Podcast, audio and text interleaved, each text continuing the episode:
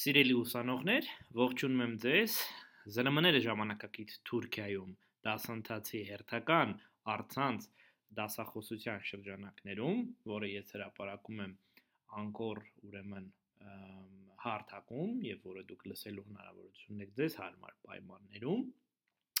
այսօրվա մեր դասախոսությունը արդեն բացում է մեր դասընթացի երկրորդ հիմնական բաժինը,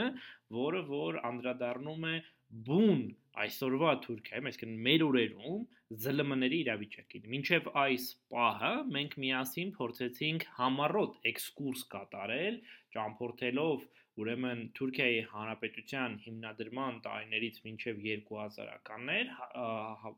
Թուրքիայում մամուլի պատմության մեջ եւ ուրեմն փորձեցինք տեսնել թե մոտապես ինչ զարգացում է ապրել մամուլը զանգվածային լրատվության միջոցները Թուրքիայում։ Դրա տալով դրա նաև պատմական կոնտեքստ, այսինքն այն քաղաքական, սոցիալական պայմանները, որտեղ որ զարգացել է թուրքական զանգվածային լրատվամիջոցների մեծ մասը։ Այսօրվա դասախոսությունը, ինչպես արդեն ասեցի, պետք է ուղիղ նվիրված լինի ժամանակակից մեր օրերի Թուրքիայի ԶԼՄ-ներին, սակայն ինչպես որ շատ այլ դեպքերում, այստեղ եւս անխուսափելի է անդրադարձը պատմական կարևոր իրադարձներին, որոնք հանգեցնում են մեր օրերի այս կամ այն կարևոր իրադարձությանը։ Այսինքն մենք մշտապես ինչքան էլ փորձենք նայել այսօրվան, կարիք ունենք որոշակի հետահայաց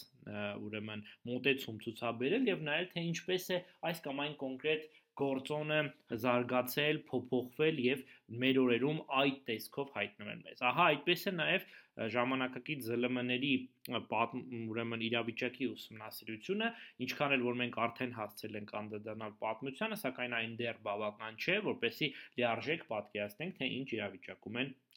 ապրում ժամանակակից ԶԼՄ-ներ։ Եվ սա է պատճառը, որ մենք հիմա կարիք ունենք անդրադառնալու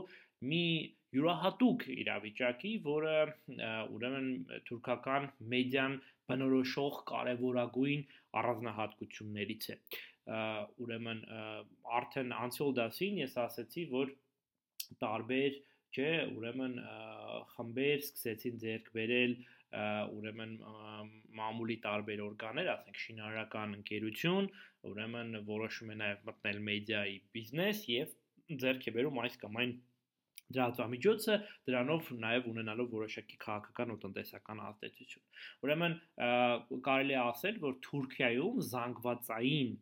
մամուլը, այսինքն այն մամուլը, որ նախատեսված է հասարակության մեծ զանգվածների համար, դրանց մենք որպես կանոն անվանում ենք հանրապետական կամ ազգային նշանակության ԶԼՄ-ներ, այսինքն նրանց ազդեցությունը, նրանց լսարանը շատ ավելի մեծ է, քան օրինակ քաղաքային թերթինը կամ օրինակ միայն նեղ հարցերով մասնագիտացող ինչ որ էլեկտրոնային մամուլին։ Այսինքն դրանք նրանք են, որոնց որ ծանոթ է հասարակության մեծ մասը։ Եթե փորձենք համատել հայաստանյան ուրեմն իրականության հետ, ապա այդպիսի թերթեր ժամանակին այսպես հանրապետական նշանակության թերթեր, որ բոլոր ամբողջ հանրապետության Հայաստանում եւ Արցախում կարդում էին, ուրեմն դա օրինակ ազգ թերթներ, եթե այդպիսի բան հիշում եք։ Հիմա որ մտնեք ազգ.am, ապա մինչև հիմա այդ թերթը հրատարակվում է, իհարկե կորցրել է իր նախկին ազդեցությունը, նախկին հեղինակությունը, բայց այնուամենայնիվ համարվում էր ժամանակին գոնե 90-ականներին համարվում էր հայաստանյան մամուլի գլխավոր ուրեմն այսպես ասած ձեռքբերումներից մեկը։ Ինչևէ, ուրեմն Թուրքիայում զանգվածային մամուլը, հանրապետական նշանակության, ազգային նշանակության մամուլը գլխավորապես պատկանում է խոշոր բիզնես խմբերին։ Սա մեկը միշտ հիշում ենք։ Այդ քանի այդ իրավիճակը չի փոխվել։ Այդ բիզնես խմբերը ձեզ հնարավոր է ծանոթեն թուրքական հերոստատեսային ֆիլմերից կամ սերիալներից, վստահ եմ, որ ձեր մեջ կան մարդիկ, ովքեր որ դիտում են թուրքական սերիալներ ժամանակակից եւ այդ սերիալներում շատ հաճախ դուք կտեսնեք, որ գլխավոր հերոսը այս կամ այն հոլդինգի ներկայացուցիչն է, չէ՞, այսինքն Asan Holding, չգիտեմ, Քարա Օսմանօղլու հոլդինգ եւ այլն։ Այսպեսի հոլդինգներ են, ինչ որ մեկը հերոսներից ունի մեծ հոլդինգ, հա։ Հոլդինգը այդ բիզնես խոշոր խմբերն են եւ դրանցից շատերը իրենց մեդիա գործունեությունը սկսել են դեռևս 1980-ականներին երբ 1980 թվականի զինվորական հեղաշրջումից հետո զինվորական ղեկավարության եւ վարչապետ Թուրգուտ Օզալի միջամտությամբ մեդիան անցավ նեոլիբերալ տնտեսության ներկայացուցիչների ձեռքը նեոլիբերալ տնտեսություն սա ավելի ազատական տնտեսական համակարգ էր, մինչ այդ Թուրքիայում գոյություն ուներ ավելի շատ, այսպես ասած, լիբերալ եւ ուրեմն էտատիստական տնտեսությունների խառնուրդ, ինչ է սա նշանակում, որ պետությունը մեծ մասը տնտեսության վերահսկում է, այսինքն ոչ միայն կարգավորում է, այլ նաև ինքը հանդիսանում է խոշոր տնտեսական կազմակերպությունների սեփականատեր։ Օրինակ, այսինչ գործարանը պետությունն է, ոչ թե մասնավոր անձին, հա։ Դրա կողքին նաև կային մասնավոր ձեռնարկություններ։ 1980-ականներին տնտեսությունը դառնում է ել ավելի լիբերալ կամ այլ բառերով ասած նեոլիբերալ նոր ազատական տնտեսություն, որտեղ մասնավոր սեփականությունը դառնում է գլխավոր, այսպես զարգացման գլխավոր ուրեմն հույսերից մեկը, այսինքն այդ ժամանակվա ղեկավարությունը վստահ էր, որ դրանով հնարավոր է հաղթահարել ստեղծված սոցիալ-տնտեսական ճգնաժամը նախորդ տասնամյակներում։ Ժամանակի խոշոր գործարարները 1980-ականներին ուրեմն սկսեցին գնել թերթերն ու կոմերցիոն հերոստալիքները։ Մինչև այդ կար մեկ պետական TRT հերոստանգերությունը, բայց աստիճանաբար, երբ որ տեխնոլոգիաները հնարավորություն են տալիս, ուրեմն եւ ստեղծվում են, ուրեմն մասնավոր հերոստանգերություններ, դրանք հիմնականում արբանյակային կաբելայիններն էին, այդ ուրեմն մասնավոր հերոստանգերությունները, որոնք նաեւ ազատ էին պետական այսպես ասած քարոշչության սահմաններից դուրս գալու հնարավորությունն էին խոսել շատ ավելի բարդ թեմաների մասին կամ շատ ավելի արդիական թեմաների մասին, որոնք որ անհնար էր ցուցադրել պետական հերոստատեսությամբ, այդպիսի թեմաներից մեկը օրինակ իսլամն էր, որ արգելված էր ըստ էության գլխավոր հերոստալիքով TRT-ով, դրանք սկսեցին մեծ այդ կաբելային արբանյակային հերոստալիքները սկսեցին մեծ լսարաններ հավաքել եւ այդ ժամանակ նեոլիբերալ տնտեսության ներկայացուցիչները, խոշոր բիզնեսմեն գործարարները սկսում են գնել այդ կոմերցիոն հերոստալիքները։ Սակայն պետք է հիշել, որ նրանց նպատակը ոչ թե եկամուտ ապահովելն էր, այլ մեդիայի միջոցով իշխանություններից ստանալ որոշակի հովանավորչություն այդպիսով ապահովելով իրենց հիմնական բիզնես գործունեության անխափան զարգացումը։ Այս մասին նախորդ դասին շատ համառոտ ասել էի։ Շինարարական ընկերություն է խոշոր, որ կառուցում է օթանավականներ, չգիտեմ, կամուրջներ կամ գործարաններ եւ ուրեմն այդ ընկերությունը մեդիայի միջոցով իշխանությունից ստանում է հովանավորչություն։ Նա խոստանում է, որ չի գրի օրինակ իշխանության մասին վատ բաներ, չի թույլ տա դիմադիրներին իր մամուլի ուրեմն միջոցով հանդես գալ իշխանությունների քննադատությամբ դրա փոխարեն իշխանությունները իրենց կտան այս կամ այն կապալները, պոդրյադները ռուսերեն ասած, հա Ուրեմն հիշում ենք, որ նրանց նպատակը ոչ թե եկամուտ ապահովելն էր, այլ մեդիայի միջոցով իշխանություններից ստանալ որոշակի հովանավորչություն, որը կօգներ հիմնական բիզնես գործունեության անխափան զարգացմանը։ Այդ հովանավորչությունը ենթադրում էր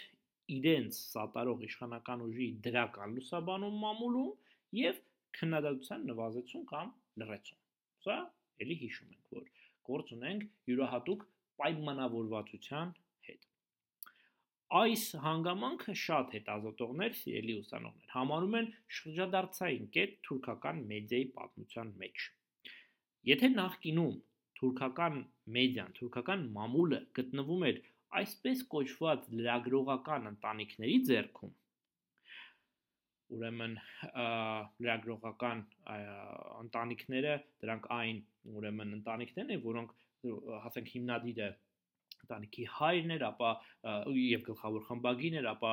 իրենից հետո իր որդին է եւ այդպես շարունակ, հա, այդպիսի թերթեր, տիպիկ այդպիսի թերթեր ջումհուրիեթը, որ պատկանում էր նադիների ընտանիքին, մենք իրենց մասին խոսել ենք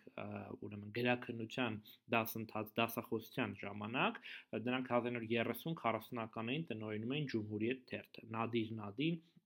իր հիշողություններում բավական մանրամասն պատմում է այդ շրջանի մասին։ Ուրեմն, եթե նախկինում թուրքական մեդիան գտնվում էր այսպես կոչված ռեալական ընտանիքների ձեռքում, որոնք չնայած էլի կապված էին իշխանությունների կամ այս կամ այն ուժային կենտրոնի հետ, սակայն ունեին որոշակի լրագրողական ոչ հետագից եւ մասնագիտական կոնկրետ հմտություններ, հա, այդ ասենք նադիների ընտանիքը պրոֆեսիոնալ լրագրողներ էին, որոնք ինչքան էլ գտնվում էին այս կամ այն քաղաքական ուժի ազդեցության տակ կամ սատարում էին այս կամ այն քաղաքական ուժին, օրինակ Ջումհուրիետը տարբեր շրջանում օժանդակել է, այսինքն սատարել է եւ քեմալականներին եւ նրանց ընդդիմադիր ուրեմն շրջանակներին քաղաքական ուժերի, բայց այնուամենայնիվ իրենք ունեն որոշակի գրելաոճ, ունեն որոշակի հետագից գաղափարական, որը անշուշտ թերթը ավելի որակյալ է դարձնում, հա, այս առումով։ Սակայն այնուամենայնիվ շեշտադրում կատարելով սենսացիոն բնույթի լրատվության եւ սյունակագրության վրա թուրքական նոր մեդիա ընկերությունները կարողացան հսկայական տնտեսական եկամուտներ ստանալ։ Այս ամբողջ ընթացքում մամուլի համար գործում էին կարմիր գծեր, որոնք հատել չի չէր կարելի եւ ոչ մի դեպքում։ Այդ էր պատճառը, որ թուրքական մամուլը շատ ժամանակ դարձել էր դեղին մամուլ, երբ որ դուք վերցնում եք եւ այսօր էլ վերցնում եք ուրեմն ձեր արխիվ դրված ցանկացած թուրքական թերթ, ապա կարող եք տեսնել, որ լրատվության մի զգալի մասը նաև իմիջելուց նույնը նաև վերաբերում է էլեկտրոնային մամուլին, ապա կտեսնեք, որ լրատվության զգալի մասը դեղին մամուլի ոճով է գրված, այս կամ այն սկանդալի մասին է, ինչ որ աստղի հետ կապված, այս կամ այն ուրեմն սկանդալային լուրն է, չգիտեմ, բացահայտված հերթական այլ մուրակայինների մասին եւ այլն։ Այսինքն այս ոճի նյութեր են, որոնք որ շատ լայն զանգվածների համար հետաքրքիր են թվում, բայց որևէ լուրջ բան իրենցից չեն ներկայացնում, ինչպես ասի սա վերաբերվում է վերաբերում է եւ ուրեմն տպագիր մամուլին, այսինքն թերթերին եւ ուրեմն վերաբերում է նաեւ նոր ոճի մամուլին, հերոստատեսությանը, եթե նայում եք, ասենք թուրքական հերոստալիքները, ապա կտեսնեք, որ շատ հաճախ լրատվության կեսը հիմնական թողարկումը, այսպես կոչված անահաբեր, մայր թողարկումը լուրերի երեկոյան, այդ թողարկման կեսը լինում է այս ոչի սկանդալային, ուրեմն ինչ որ տեսանյութերի հրապարակում կամ ուրեմն կազմակերպված որոշակի այլ ուրեմն անհասկանալի ինչ որ ռեպորտաժ, որը կարող է բաղկացածնել նույն 10 վայրկյանոց կադրից, որը անընդհատ այսպես ցուցադրվում է, հա։ Սա ինչ է, սա այդպես տիպիկ կոչվում է դեղին մամուլ, հա, այսինքն էժանագին իր ոճով ուրեմն ոչ մի լուրջ բան իրենից չներկայացնող մամուլ, որը որ ցավոք սրտի շատ մարդկանց դուր է գալիս աշխարհի բոլոր գրեթե հասարակություններում, այդ թվում նաև Հայաստանում դուք վստահ եմ առանց դժվարության կարող եք գտնել այնպիսի կամ հիմա մտքներում հիշել այնպիսի ուրեմն լրատվականներ, որոնք դնում են ինչ որ վերնագրեր, այդ վերնագրերը թվում են այսպես շատ գայթակղիչ, ուզում ես անպայման կարդալ, բայց մտնում ես տեսնում ես, որ բացարձակ հիմարություն է գրված կամ որևէ կապ չունի վերնագիրը եւ բուն նյութը։ Այս առումով ես հույս ունեմ, որ դուք զգոն եք եւ ինքներդ չեք կարդում այդպիսի լիատոմիջոցներ, երբ որ գրում է որ այս ինչը, չգիտեմ, սխտորով հաղթեց կորոնավիրուսը օրինակի համար կամ գրում է այն մասին, որ օրինակ Պուտինի աղջիկը բարձվում է է։ Այսպիսի հրապարակումները սիրելի ուսանողներ նախատեսված են ոչ ձեզ համար, ոչ արարագետների համար, այլ նախատեսված են մարդկանց համար, ովքեր ունեն ցածր, ուրեմն կրթվածություն եւ իրենց թվում է այդպիսի բաները հետաքրքրական։ Ուրեմն թուրքական մամուլը այս ընթացքում վերածվեց տնտեսական եկամուտներ ստացող հսկայական ընկերությունների, որոնց ուրեմն հիմնական նյութը դեղի մամուլն էր եւ այդ էր պատճառը օրինակ թուրքական մամուլում դուք երբեք չեք գտնի լրագրողական անկախ հետաքննություններ հա երբ որ լրագրողը մանրամասն հետազոտում է մի թեմա փորձում է դուրս բերել կարևոր ինֆորմացիա եւ այդ ինֆորմացիան կարող է շատ մեծ ազդեցություն ունել թե իշխանության, թե ընդդիմության, թե հասարակության վրա։ Վերջին այդպիսի դեպքը կապված էր Ջան Դունդարի հետ, ով Ջումհուրիետ թերթում հրապարակել էր մի հետաքննություն, որտեղ ողջվել էր, որ ուրեմն թուրքական հետախուզության հետախուզական ծառայության բեռնատարները զենք զինամթերք են տեղափոխում Սիրիա դրանք փոխանցելու համար ահաբեկչական կազմակերպությունին։ Այդ լուրի հրապարակումից անմիջապես հետո Ջան Դյունդարին հերացրեցին փաստորեն ուրեմն ոչ միայն ոչ միայն ստիպեցին, որ նա դուրս գա թերթից, այլ նաև նրա հանդեպ հարուցեցին քրեական գործ եւ այժմ նա վտարանդության մեջ է Գերմանիայում է թաքնվում է, այսպես ասած, թուրքական իշխանություններից եւ ուրեմն այդ լրագրողական հետաքննությունը իսկապես եզակի դեպքերից մեկ էր, դեպքերից մեկն էր վերջին շրջանում, երբ որ կար բարձրորակ լրատվություն։ Ահա այսպիսի միջավայրում էր զարգանում թուրքական մեդիան, երբ 2002 թվականին շուրջ ուրեմն 18 տարի առաջ իշխանության եկավ Արդարություն եւ զարգացում կուսակցությունը, Ադալետ və Kalkınma Partisi, որ մինչև այժմ հանդիսանում է Թուրքիայի իշխող կուսակցությունը։ Սկզբնական փուլում այդ կուսակցության առաջնորդներից այն ժամանակ առաջնորդներից մեկը Էրդողանը, որ այսօր բացարձակ առաջնորդն է այդ կուսակցության այն ժամանակ իր կողքին կային այնպիսի երևելի գործիչներ կամ հայտնի գործիչներ ավելի ճիշտ է ասել ինչպիսիք էր հայտագայում նախագահ Աբդուլլա Գյուլը որ ինչպես հիշում եք ժամանեց Հայաստան 2008 թվականին դիտելու ֆուտբոլային հանդիպումը երրորդ նախագահ Սերժ Սարգսյանի հրավերով Ալի Բաբաջանը, որ այսօր թուրքական անդիմադիր ուրեմն Դեվա կուսակցության ղեկավարն է. Բյուլեն Դարինչը Թուրքիայի parlamenti նախկին խոսնակը եւ այլն եւ այլն այսինքն այն ժամանակ այդ կուսակցությունը ուներ շատ ավելի մեծ թվով առաջնորդներ անշուշտ դրանց մեջ առանձնանում էր Էրդողանը, բայց նա միակը չէր։ Այսօր այդ կուսակցությունը գերազանցապես գտնվում է Էրդողանի վերահսկողության տակ եւ այնտեղ չկա մարդ, որ կարող է վիճարկել Էրդողանի հեղինակությունը։ Ուրեմն սկզբնական փուլում, երբ որ այս կուսակցությունը եկավ իշխանության, ընդորում շատերի համար խիստ անակնկալ կերպով, ճանաչելով շատ մեծ հենարան, ճանաչելով ֆինանսական մեծ կարողություններ եւ բնականաբար ճանաչելով նաեւ սեփական տեղեկատվական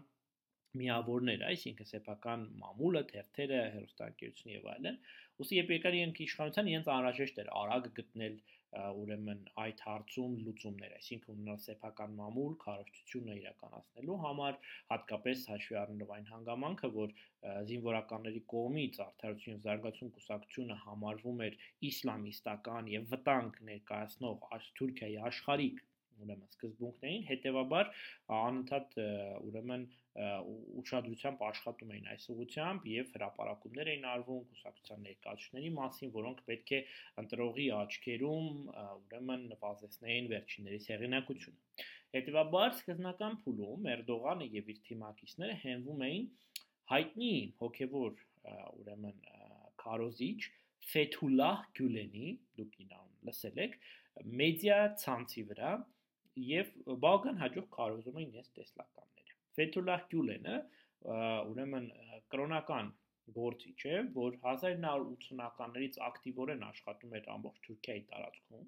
ստեղծում է իր շարժումը, կրոնական շարժումը, որը անունը կոչվում է հիզմետ ծառայություն, բայց ավելի շատ կոչում են գյուլենական անունով, գյուլենական շարժում եւ Ուրեմն այդ շարժումը հաջողեց դուք դրա մասին դեռ կհասցնեք մանրամասն Թուրքիայի պատմության դասընթացի շրջանակներում ուրեմն խոսել եւ քննարկել, բայց ոչ այդ ասեմ, որ այդ շարժումը հասցել էր ստեղծել մեծ մի ուրեմն ցանց, որը իր մեջ ուներ ամեն ինչ բիզնեսից մինչև թերթեր ու հերոստատեսություն, հանրակացարաններ, ուրեմն դպրոցներ եւ այլն, այսինքն ամեն հնարավոր բան այդ շարժումը իսկապես հասցրել իր շարժման ներկայացուցիչների միջոցով ստեղծել եւ ունենալ ու պատահական չէ որ այդ ժամանակ Թուրքիայում ամենամեծ տպականակ ունեցող բարբերականը դա գյուլենականներին պատկանող զաման ժամանակ, չէ, զաման օրաթերթն էր, որը դարձել էր իշխանության գլխավոր խոսափողը։ ասեմ որ ժամանակից առաջ ընկնելով ասեմ որ զամանը փակվեց 2000 ուրեմն 14-ին եթե ես չեմ սխալվում երբ որ արդեն Էրդողանի եւ Գյուլենի հարաբերությունները փչացան եւ Վարշավ սկսեց գյուլենականների դեմ եթե ծանոթ եք Թուրքիայի ժամանակից ժամանակակից քաղաքական անցուդարձին ապա գիտեք որ գյուլենականները համարվում են ուրեմն Թուրքիայում գլխավոր ճշնամիները այսինքն իշխանությունը իրենց ներկայացնում է որպես Թուրքիան Թուրքիային սպառնացող վտանգների գլխավոր հեղինակ։ Երբ այսինքն այս շրջանում նաև մամուլը համատաբար ազատ էր, հա 2002-ից։ Սակայն երբ 2010-ականներից Էրդողանը եւ իշխող արդարություն զարգացում կուսակցություն ուժեղացրեցին իրենց ավտորիտար նկարտումները, հիշենք այստեղ մեր քննարկած 1920-ականները, երբ Աթաթյուրքը ուժեղացնում է ավտորիտար իշխանությունը, նվազեցնում է ժողովրդավարական ուրեմն ազատությունները եւ արդյունքում բնակարար դժում է նաեւ մամուլը։ Եվ այսպես նույնը կատարվում է 2010-ականներին Էրդողանը եւ իր կուսակցությունը ուժեղացնում են իրենց ավտորիտար նկարտումները եւ բացահայտ սկսում են հանդես գալ որպես միանձնյա իշխանություն։ Թուրքական մամուլը տվյալ իրավիճակում հայտնվում է բնականաբար Էրդողանի թիրախում։ Այն մեդիա ռեսուրսները, ուրեմն որոնք որ արդեն իսկ ուրեմն չէին գտնվում Էրդողանի ազդեցության տակ կամ Էրդողանի ընտանիքի ու շրջապատի ազդեցության տակ, ուրեմն դրանք սկսում են աստիճանաբար անցնել այն բիզնես ընկերությունների, որոնք մոտ հարաբերություններ ունեն Էրդողանի եւ իր թիմակիցների հետ տարիների ընթացքում Էրդողանը կարողացավ իր ուղակի եւ անուղակի վերահսկողության տակ վերցնել թուրքական ԶԼՄ-ների 2/3-ը։ Պատկերացնում եք սա ինչ թիվ է, սա իսկապես հսկայական թիվ է, որպեսի ել ավելի այսպես պատկերավոր լինի ձեզ համար, բերենք ուղղակի մի քանի թվեր, որպեսի հասկանաք, թե ինչքանն է գտնվում Էրդողանի եւ իր շրջապատի վերահսկողության ներքո։ Թուրքիայում 2018 թվականի տվյալներով ակտիվորեն գործում էր շուրջ 2500 թերթ, օրաթերթ 2500, 3600-ից ավել ամսագիր, ժուրնալ կոչվածը, շուրջ 900 ռադիոկայան եւ շուրջ 200 հեռուստաընկերություն։ Այսինքն սա այս մեծ թվերի հետ գործ ունենք եւ այդ մեծ թվերի 2/3-ը պատկանում էր Էրդողանի շրջապատին, որոնք որ ան, այսպես ասած, բեկանիոլ բեկանելիորեն գտնվում են Էրդողանի ազդեցության տակ։ Ընդ որում այդ ազդեցությունը, այդ վերահսկողությունը ենթադրում էր ոչ միայն նախկինում ընդդիմադիր պարբերականների, թերթերի, օրաթերթերի խմբագրական քաղաքականության փոփոխություն Այսինքն դա ոչ թե նշանակում է ուղակի որ այդ թերթը, որ ժամանակին քննադատում էր Էրդողանին, այլևս չէր քննադատելու ու վերջ գերելու էր այլ թեմաների մասին։ Ոչ, դա նաև նշանակում էր, որ անցանկալի ու անվերահսկելի լրագրողները, խմբագիրները, սյունակագիրները եւս պետք է այլևս գտնվեն վերահսկողության ներքո։ Իսկ այդ այդ մարդկանց վերահսկողությունը ինչ է նշանակում, կամ իրենց լրացում, կամ ազատազրկում բանտում, կամ ստիպողաբար ուրեմն ասեն ստիպում էին հեռանալ երկրից, այսինքն կարելի ասել բռնագաղթ կամ վերջին հաշվով, եթե ոչ մի բան չէր ստացվում, այդ պարբերականի փակում։ Այդ փակումը կարող էր տարբեր պատրվակներով, հարկայինից մինչև ուրեմն քաղաքական ենթատեքստով։ Այսինքն օրինակ ասում են, որ պարբերականը հարկերից խուսափել է, եւ այդ պետք է վճարի, ասենք, թերթի արժեքը գերազանցող, եթե ամբողջ թերթի բիզնեսը արժե, ասենք, 1 միլիարդ, ասում են, որ դու պետք է վճարես 4 միլիարդ ուրեմն դոլար։ Բնականաբար դա ան հասանելի թիվ է եւ նա նշանակում որ այդ լրատվամիջոցը փակվում է կամ ուրեմն ասում են որ այդ թերթը կարոզում է անջատողականություն, ահաբեկչություն եւ այլն։ Իսկ այդ հոդվածով կարելի է մեղադրել ցանկացած գրառում, որը օրինակ վերաբերում է քրդերին։ Եւ նորից պաստորեն թերթը արդյունքում փակվում է։ Այս միջավայրը, սիրելի ուսանողներ, խորացավ եւ խստացավ 2013 թվականից հետո, երբ գյուլենականների հետ Էրդողանը սկսում է հակամարտություն եւ դրա արդյունքում գյուլենական ամբողջ մեդիա ցանցը, որ մի հսկայական կառույց էր, բազմաթիվ հերոստանգերություններ, թերթեր, լրագրողներ եւ այլն այդ գյուլենական ցանցի մաս էին կազմում, դրանց մեծ մաս անցավ իշխանություններին, դրա արդյունքում թուրքական մամուլը կորցեց իր բազմազանության մի զգալի հատվածը, այսինքն նախկինում արկա կարծիքների բազմազանությունը այլևս չկար, իսկ 2016 թվականի զինվորական հեղաշրջման փորձից հետո ստեղծվում է երկրում արտակարգ ռեժիմ, գիտեք, եւ դրա ընթացքում ել ավելի շատ թվով թուրքական լրատվամիջոցներ այլևս ուրեմն դադարում են իրենց գործունեությունը։ Եթե նայեք Turkey Purge կայքը, ապա մենք ձեզ ձեզ հետ այս կայքը միասին նայել ենք մեր առաջին երկու դասերի ընթացքում եթե նայեք ապա այս կայքի տվյալներով ուրեմն Թուրքիայում շուրջ 190 լրատվամիջոց, ավելի կոնկրետ 189 լրատվամիջոց փակվել է ուրեմն եւ ձերբակալվել է ավելի քան 300 լրագրող։ Սա այդ ուրեմն զինվորական անհաջող հեղաշրջման փորձից հետո ուրեմն երկու տարվա ընթացքում մեդիայի հա, հանդեպ միայն արձանագրված ուրեմն այսպես ասած ճնշումներն են։ Էլ չենք խոսում այն մասին, որ մեծ թվով մարդիկ ուղղակի դադարում են լինել քննադատող, որտեղ վախենում են։ Ահա այս պայմաններում ուրեմն դեռևս շարունակում էին գործել մինչև 2018 թվականը տարբեր հոլդինգներ, որոնք փորձում էին պահպանել իրենց տեղը որպես խոշորագույն թուրքական մեդիա ընկերություն ու ապահովել նաև համատաբար անկախ ու չեզոք լրագրություն։ Դա իհարկե շատ բարդ էր, որովհետև իշխանությունը անընդհատ խոսում էր այն մասին, որ երկրում կան դավաճաններ, մարդիկ, որոնք որ խանգարում են աշխատել եւ ինչ որ վատ բան լինում է, դա ոչ թե այն պատճառով, որ իրանք վատ են աշխատում, այլ այն պատճառով է, որովհետեւ ուրեմն մամուլը քննադատում է եւ այլն, այդ եւ այդ մամուլը պատկանում է ինչ որ ուժերի, այս պայմաններում հասարակությունը սկսում է բևեռանալ, այսինքն հասարակությունը բաժանվում է երկու խոշոր մասերի կամ երեք խոշոր մասերի, որոնք իրեր հանդեպ դառնում են գնալով ել ավելի անհանդուրժող եւ բնականաբար այս պայմաններում շատ դժվար է պահպանել անկախ ու չեզոք լրագրություն, որը որակյալ հենց որակյալ լրագրությունն է։ Եվ ուրեմն սա այդ պատճառը, որ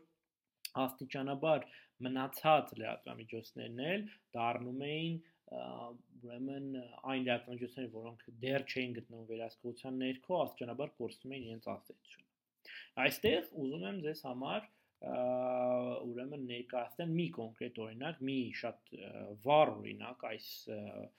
այն բանի, թե ինչպես է այս պայմաններում փոփոխվել կոնկրետ մեկ ուրեմն մեդիա խոշոր ընկերության, մեդիա հոլդինգի ուրեմն ճակատագիրը։ Ուրեմն այդ հոլդինգը, որը ես առաջարկ եմ քննարկել, դա Doan Holding-ն է, Doan, Doan Holding։ Ինչպես է սկսվում այդ հոլդինգի պատմությունը։ Ուրեմն Թուրքիայի Գյումուշհանե նահանգում ծնված եւ մեծացած գործարար Այդեն Դոանը, Այդեն Դոան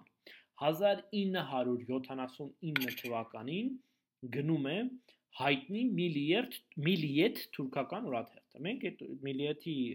մասին անդրադարձ ունեցել ենք մեր դասերի ընթացքում։ Եվ այդպիսով նա փաստորեն մուտք է գործում թուրքական մեդիա ասպարեզ։ Տարիների ընթացքում Դողանը դարձավ Թուրքիայի խոշորագույն մեդիա ընկերության Doan Holding-ի միլիարդատեր սեփականատերը։ Շատ ազդեցիկ մի մարդ իր ամբողջ ընտանիքը Նրա ղեկավարության ընկերություն ղեկավարած ընկերությանն էին պատկանում այնպիսի հեղինակավոր լրատվամիջոցներ, ինչպիսին էր Hürriyet, Posta թերթերը, օրաթերթերը, Fanatic օրաթերթը, որը սպորտային ուրեմն լուրեր էր ներկայացնում, CNN թուրք հերոստալիքը, որը վստահ եմ ձեզ ծանոթ է, Canal D հերոստալիքը, որ, որով ցուցադրվում էին Թուրքիայի ամենաբարձր ռեյտինգ ունեցող ուրեմն հերոստասերիալները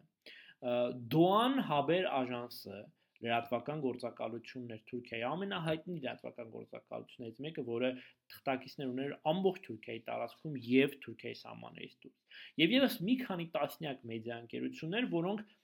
Այդեն Դոանին դարձնում են Թուրքիայի ամենաազդեցիկ գործարարներից մեկը։ 2018 թվականի մարտի 22-ին Դոան, այսինքն 2 տարի առաջ, մոտարապես Դոանը հանդես է գալիս մի հայտարարությամբ, որը դառնում է Թուրքիայում քննարկվող գլխավոր նորությունը։ Այդ հայտարարության մեջ ասված էր, որ բառացիորեն կարդում եմ իր հայտարարությունից, արդեն 80-ն անց եմ այս փուլում իմ ցանկությամբ որոշեցի վերջակետ դնել հրատարակչական գործից։ Այս հայտարարությունը սիրելի ուսանողներ հաստատեց մինչ այդ շուրջ 1 շաբաթ Թուրքիայում օրակարգային գլխավոր թեմայի իսկությունը Այդեն Դոանը վաճառում էր իր մեդիա ընկերությունը 1.1 միլիարդ ԱՄՆ դոլարով։ Եվ այս իրադարձությունը շատ կարևոր կետ է Թուրքիայի ժամանակակից պատմության մեջ, ահա թե ինչու։ Չնայած կարծեմ արդեն գուշակում եք։ Doan Holding-ը, որ փորձում էր մինչև 2018 թվականը իր տեղը պահպանել որպես խոշորագույն Թուրքիայի թուրքական մեդիա ընկերություն ու ապահովել համատաբար անկախ ու չեզոք լրագրություն, իշխանությունները ուրեմն գտնում էր անընդհատ իշխանությունների ճնշումների ներքո։ Իշխանությունները սկսում են բազմաթիվ ճնշումներ գործադրել թե հոլդինգ եւ թե դրա սեփականատիրոջ վրա, ստիպելով դառնալ իշխանության հետաքրությունները կարծես սпасարկող ռեսուրսի։ Ահա մեկ օրինակ։ Սկսում է դե, հոլդինգի նկատմամբ հարկային հետապնդում, հարցակումներ եւ ճնշումներ, որից հետո է ուրեմն Էրդողան, ներողություն, Այդեն Դոանը որոշում է իր վրա դրման մեծ հարկային պարտավորությունը եւ արդյունքում որոշում է վաճառել թուրքական երկու ընդդիմադիր լրատվամիջոցներ, որոնք իրեն էին պատկանում։ Միլիեթը իր առաջին մեդիա ռեսուրսը եւ Վաթանը։ 2011 թվականին նա այդ երկու թերթերը վաճառում է Դեմիրորեն բիզնես ընտանիքին։ Դեմիրորեն բիզնես ընտանիքը ուրեմն շատ արագ դաթար դաթարեցնում է Միլիետ ու Վաթանի քննադատական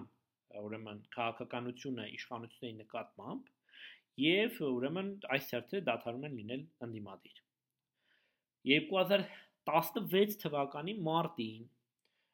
փակվում է Դողանին պատկանող եւս մեկ հայտնի լրատվամիջոց ռադիկալը, որը երկար ժամանակ համարվում էր Թուրքիայի ամենախիստ ընդդիմադիր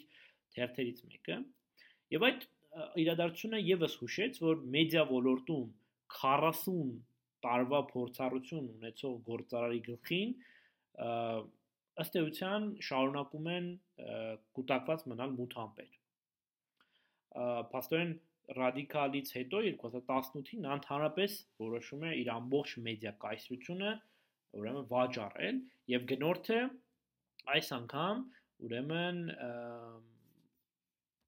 եւս Դեմիրորեն ընտանիքն է դրա ղեկավար Էրդոան Դեմիրորենը չխառնեք Ռեջեփ Թայիպ Էրդողանի հետ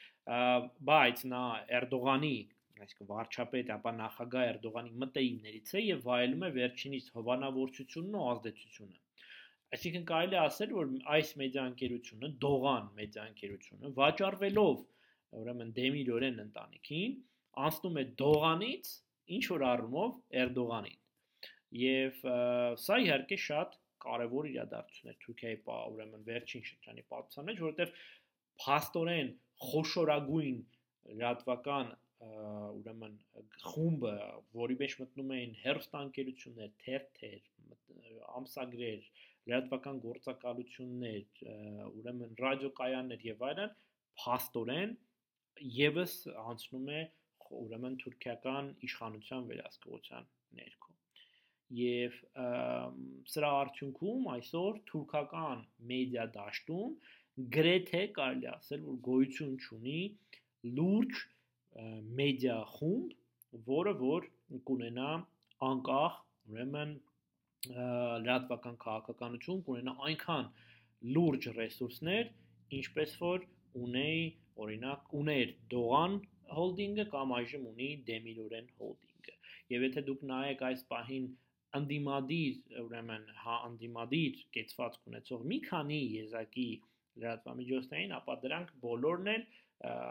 այսպես ասած անհատական փոքրիկ լրատվամիջոցներ իրենց ծավալներով, ռեսուրսներով բնականաբար որևէ կերպ չեն կարող մրցակցել օրինակ Դեմիրորեն հոլդինգի հետ, որտեղ ըստ վերջին հաշվարկների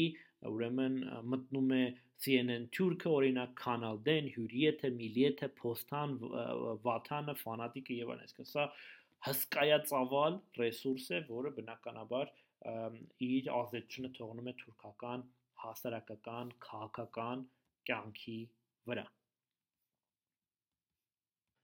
Եվ այսօրվա դասախոսության վերջին դրվագը, որը եւս մեկ օրինակ է այն մասին, թե ինչպես է հոլդինգների միջոցով իշխանությունը փորձում վերահսկել թուրքական լրատվամիջոցը, լրատվամիջոցները, ուրեմն կապված է Էրդողանի ընտանիքի կարևորագույն անդամ Բերատ Ալբայրակի հետ։ Բերատ Ալբայրակը գիտեք, որ ուրեմն Էրդողանի փեսան է, համարվում է նաև այն մարդը, որ հավանաբար կարող է լինել Էրդողանի Էրդողանից հետո Թուրքիայի ղեկավարի տեխնատուներից մեկը։ Նա ամուսնացած է Էրդողանի դստեր Էսրայի հետ եւ 2004 թվականից հետո նա դառնում է ուրեմն Էրդողանի այսպես իշխանության գլխավոր առանցքային դեմքերից մեկը, հանդիսանալով Չալիկ ուրեմն հոլդինգի ղեկավարը, գործադիր տնօրենը 2007-ից 2013 թվականները, սա հենց այն փուլն, երբ որ աստիճանաբար Էրդողանը սկսում է ուժեղացնել իր միանձնյա ավտորիտար իշխանությունը, Բերաթը օգնում է կառուցել Էրդողանի մեդիա կայսրությունը եւ հենց այս ընթացքում է որ Չալիկ հոլդինգի ուրեմն ունեցած թերթը Սաբահ օրաթերթը դառնում է Էրդողանի մեդիա կայսրության գլխավոր ուրեմն խոսափող, այսինքն այն թերթը, որտեղ որ հրատարակվում է գլխավոր ուրեմն քարոշչական գլխավոր, այսպես ասած, դոզան, որ դուրս է գալիս ուրեմն իշխանության կողմից։ Սաբահը իշխանության համար այժմ մոտապես նույն դերն է կատարում, ինչ խորթային միության տարիներին Pravda թերթը, որը որ պետք է օրինակ բոլոր ամբո ամեն առավոտ պետք է բոլորը խորթային քաղաքացիներից պարտադիր ուրեմն կարթային հա եւ սա շատ ինչպես ասի տիպիկ օրինակ է այն մասին թե ինչպես է անձամբ Էրդողանը մասնակցում իր մեդիա կայսրության ստեղծմանը որի շնորհիվ ազդում է իշխանության ուրեմն ներողություն հասարակության վրա մեկ այլ մարդ Սերհատ Ալբայրակը որը ուրեմն Բերաթի եղբայրն է եւ այն ժամանակ երբ որ Բերաթը Չալիկ հոլդինգի գործադիր տնօրենն էր Բերաթ Սերհատը ուրեմն եղբայրը դառնում է Չալիկ հոլդինգի Թուրքուվազ մեդիա խմբի ուրեմն ղեկավարը եւ դա այն խումբն էր, որը տնօրինում էր ոչ միայն Սաբահը, այլ նաեւ ուրեմն ATV հերոստանգերությունը Թուրքիայի ամենահայտնի եւ ամենաշատ ռեյտինգ ունեցող այս պահին դիտող ունեցող հերոստանգերությունը, ինչը նշանակում էր, որ Սերհաթը եւս դառնում է Էրդողանի մեդիա այսպես քաղաքականության, ռազմավարության առանցքային դեմքերից մեկը, փաստորեն իր եղբոր հետ միասին։ Իհարկե եղբայրը Բերաթը այժմ նախարար է եւ ֆինանսների նախարարն է Թուրքիայի, բայց այնուամենայնիվ նա շարունակում է մնալ եւս ուրեմն մեդիայի առումով ազդեցիկ կերպարներից մեկը։ Ասեմ, որ ժամանակից առաջ ընկնելով, որ Թուրքուվազ մեդիա խումբը հիմա պատկանում է Քալյոն, ուրեմն հոլդինգին, բայց այս մասին մենք դեռ մանրամասն կհասցնենք միասին քննարկել։ Այստեղ մենք կավարտենք մեր այսօրվա դասախոսությունը, մյուս դասին կշարունակենք արդեն շատ ավելի մանրամասնորեն ուսումնասիրել ժամանակակից թուրքական մեդիա դաշտը, կանդրադառնանք բոլոր խոշոր հոլդինգներին, նրանց պատկանած լրատվամիջոցներին եւ այդ լրատվամիջոցների խաղացած դերին ժամանակակից Թուրքիայի կյանքում։ Եթե հարցեր կան, խնդրում եմ այդ հարցերը ինձ գրեք համասարանական post-ով, ուրեմն հիշատակված դասախոսության ընթացքում բոլոր անունները դուք կարող եք հեշտությամբ Google-ել եւ գտնել, եթե ուզում եք տեսնել այն մարդկանց հիշտակված անձանց դեպքերը, դեմքերը, որոնք որ ուրեմն հիշատակվեցին այս դասախոսության ընթացքում եւ առանցքային դեր են խաղում թուրքական հասարակական քաղաքական կյանքում եւ ուրեմն մենք կհանդիպենք մեր հաջորդ արցանց դասախոսության շրջանակներում հաջողություն ձեզ